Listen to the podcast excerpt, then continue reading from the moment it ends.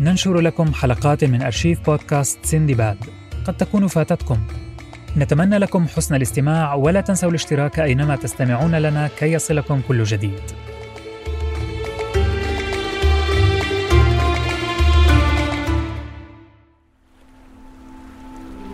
القدر. جمعني بكم من جديد أيها البشر. مغامراتكم أتت بكم إلى سطحي. لستم الأوائل. لا أتعرفون عن السندباد شيئا؟ هم. لعلي أخبركم إحدى حكاياته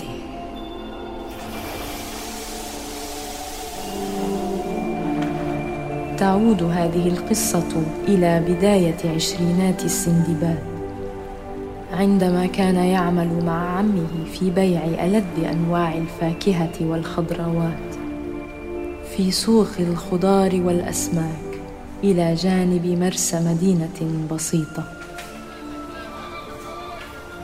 عم السندباد عجوز مرح للغاية ولكن ابتسمت على وجهه نظرة مستاءة عندما وصل إلى السوق ودخل متجرهم المتواضع. لا أرى التوت البري معروضا للبيع. هل نسيت إحضاره مجددا يا سندباد؟ كنت أنتظر عودتك يا عمي. لم أرغب في مغادرة المتجر في يوم حافل كهذا. ذهب السندباد ليقطف التوت من الجبل. فكانت مدينة السندباد تقع على جبل بجانب الساحل. دخل السندباد الغابة وأخذ يمشي بين الأشجار بحثا عن التوت.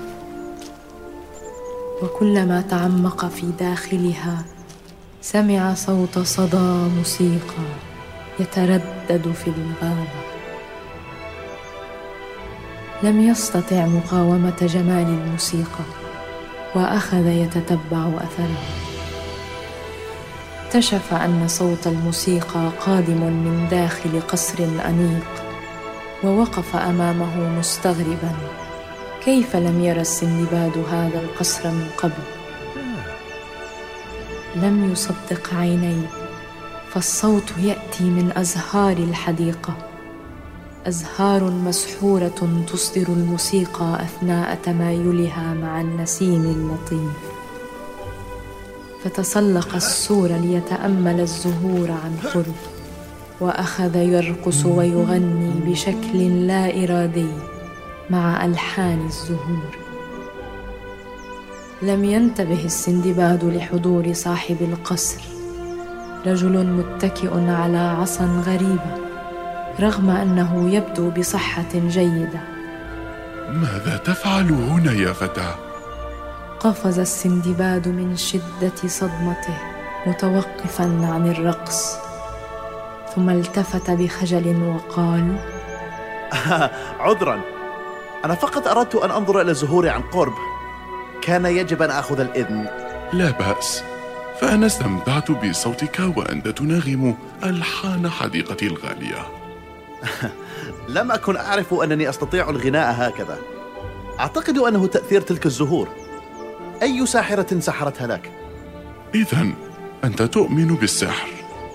لقد حدثنا بعض البحارة عن جزيرة تعيش عليها الساحرات. هل أحضرت هذه الزهور من هناك؟ كلا إن هذه الحديقة مجموعة زوار وبضع من النساء الرقيقات التي يأتين لتنظيف القصر. النوع المفضل لدي في هذه المجموعة هي تلك التي جمعتها خلال فصل الشتاء فهي تزهر في الثلج. إنه مشهد رائع. أنا أنا لست متأكدا من أني أفهم كلامك. بالإضافة إلى أنني لم أرى الثلج هنا منذ أن ولدت. هذا لأنك لم تتعرف علي قبل الآن. دق القائد عكازه على الأرض. ثم ابتسم بثقة مبهم فتساقط الثلج من حولهما خلال منتصف الربيع. كان منظرا جميلا ولكنه ملأ قلب السندباد بالفزع فتجمد في مكانه خوفا من القائد. لا تخف لدي صفقة مذهلة لأقدمها لك. ماذا تريد مني؟ أود أن أضيف صوتك المخملي إلى حديقتي. ستكون زهرة موسيقية جذابة. ولكنني رجل أحب التشويق. وسأعرض عليك فرصة ذهبية. أعثر على طريقة للخروج من هذه المتاهة وسوف أغير حياتك للأفضل. اختفى القائد وبدأت فروع خضراء تملأ الحديقة. وجد السندباد نفسه بلمح البصر محاطا بجدران من الشجيرات.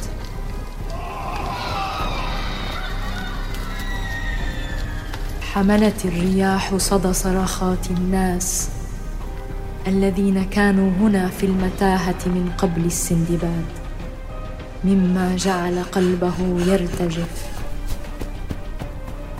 ركض مدة محاولا إيجاد طريقة للخروج ولكن كان كل شيء من حوله يبدو متشابها وشعر بأنه يركض في دوائر مفرغة. لقد مررت من هذه الممر من قبل؟ ما سبب هذه الحكة؟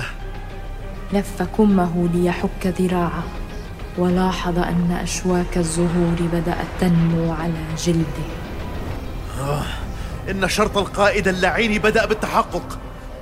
لا أريد أن أعيش حياتي كزهرة. دعني أخرج من هنا. وإذ بذراع تضع كفها عليه فاستدار السندباد بفزع. عمي ولكن كيف وجدتني؟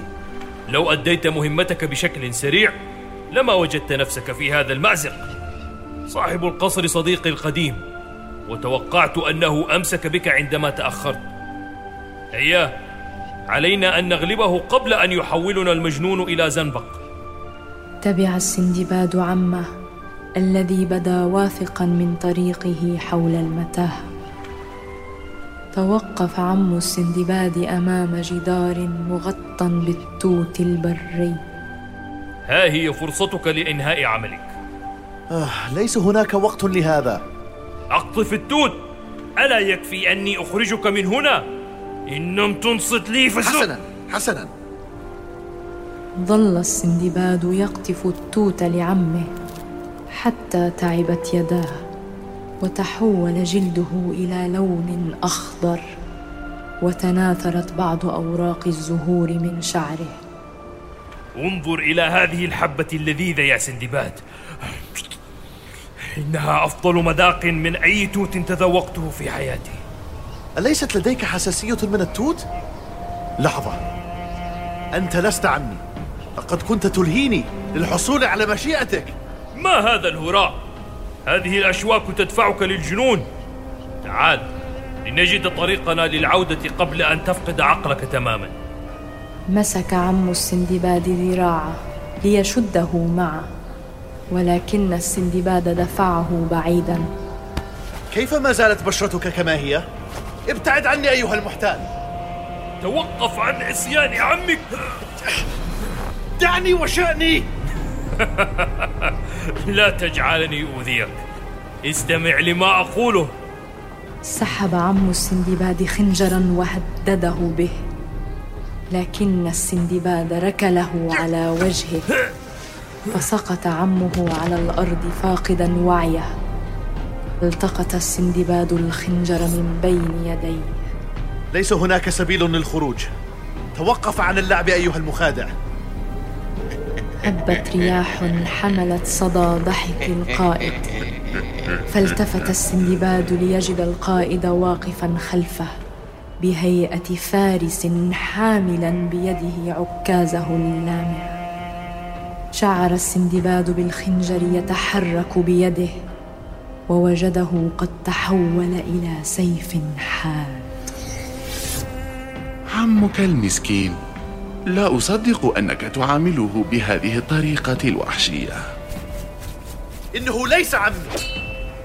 ركض السندباد باتجاه القائد ليقتله بالسيف فصد القائد السندباد بعكازه.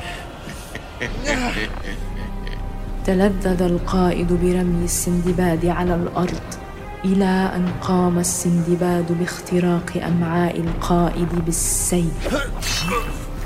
قطع السندباد جسد القائد من منتصفه فسقط هاويا بألم وتناثرت أشلاؤه على الأرض. اعتقد السندباد بأنه تخلص من هذا القائد. ولكنه تفاجأ برؤية أطراف جسده تتشكل أمامه إلى فارسين منفصلين.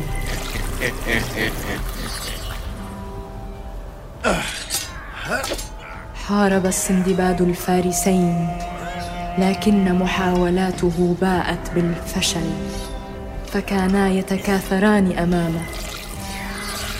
حاول أن يتخلص من سيفهما ولكنه لم يتمكن من ذلك.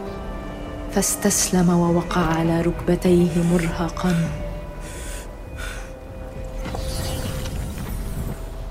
عاد القائد لهيئته واقترب من السندباد. يؤسفني أن تستسلم بهذه السرعة ولكن سوف أستمتع بصوتك. قل لي. أي لون من الزهور تفضل؟ بدا السندباد مهزوما أمام القائد ولكن سرعان ما انتزع عكاز القائد من يده وكسرها بركبته. لماذا عليك أن تفسد المرح هكذا؟ كنت أبحث عن بعض الإثارة في آخر أيامي ورأيت عينيك تتوهجان من شدة الإثارة. اعترف بأنك كنت سعيدا. سعيد؟ كدت تودي بحياتي. لا لا. إنها خسارة أن يموت شاب قوي العزيمة مثلك. أردت فقط أن أمتحنك. ويمكنك أن تعدها مغامرتك الأولى. أنت شخص غريب بالفعل. هذا من عطفك. وأنا معجب بإرادتك أيضا. فإنك لم تستسلم وقاتلتني بشجاعة. كنت أبحث عن شخص مثلك ليتولى سفينتي من بعدي ويبحر بها إلى أعماق البحار. ما رأيك أن تأخذها وتعتني بها؟ ستجلب لك ثروة هائلة. لا أريد منك شيئا. هيا لا تدع هذه الفرصة تذهب من يدك. ألا تريد أن يرتاح عمك من ضجة السوق والتمتع أخيرا ببعض المحار والروبيان الفاخر؟ أنا متأكد من أنها أفضل من قطف التوت الممل. ألا توافقني بذلك؟ يمكنك رؤية السفينة في المرسى من هنا. أراد السندباد أن يمنح عمه بعض الراحة وبالفعل قد استمتع بالإثارة في المتاهة. فغادر السندباد بوابة القصر. ليجد نفسه في وسط السوق وأخذ عمه ليريه سفينته الجديدة بجوار المرسى. انظر يا عم هذه سفينتنا. إنها تخص شخصا تعرفت عليه في الغابة وقد أعطاني السفينه لأعتني بها. ستسمح لك هذه السفينة بالتقاعد كي نبحر إلى أي مكان تشتهي زيارته. من قال لك أنني أريد التقاعد؟ العمل يبقيني شابا كف عن تضييع وقتي وأين التوت الذي طلبت منك إحضاره؟ التوت؟ أنا أريك سفينة أحلامي وأنت تسألني عن التوت البري؟ لقد نسيته أنت لم تبحر بهذه السفينة بعد وصرت تتكبر علينا سوف أشتاق إليك عندما ترحل يا بني لم يعد هناك حاجة ليلتقط السندباد التوت بعد اليوم فالمغامرات كانت تنتظره ليبحر في عالمها المملوء بالإثارة والمفاجآت. ووعد عمه بأن يقص عليه جميع المغامرات عندما يعود لزيارته يوما ما.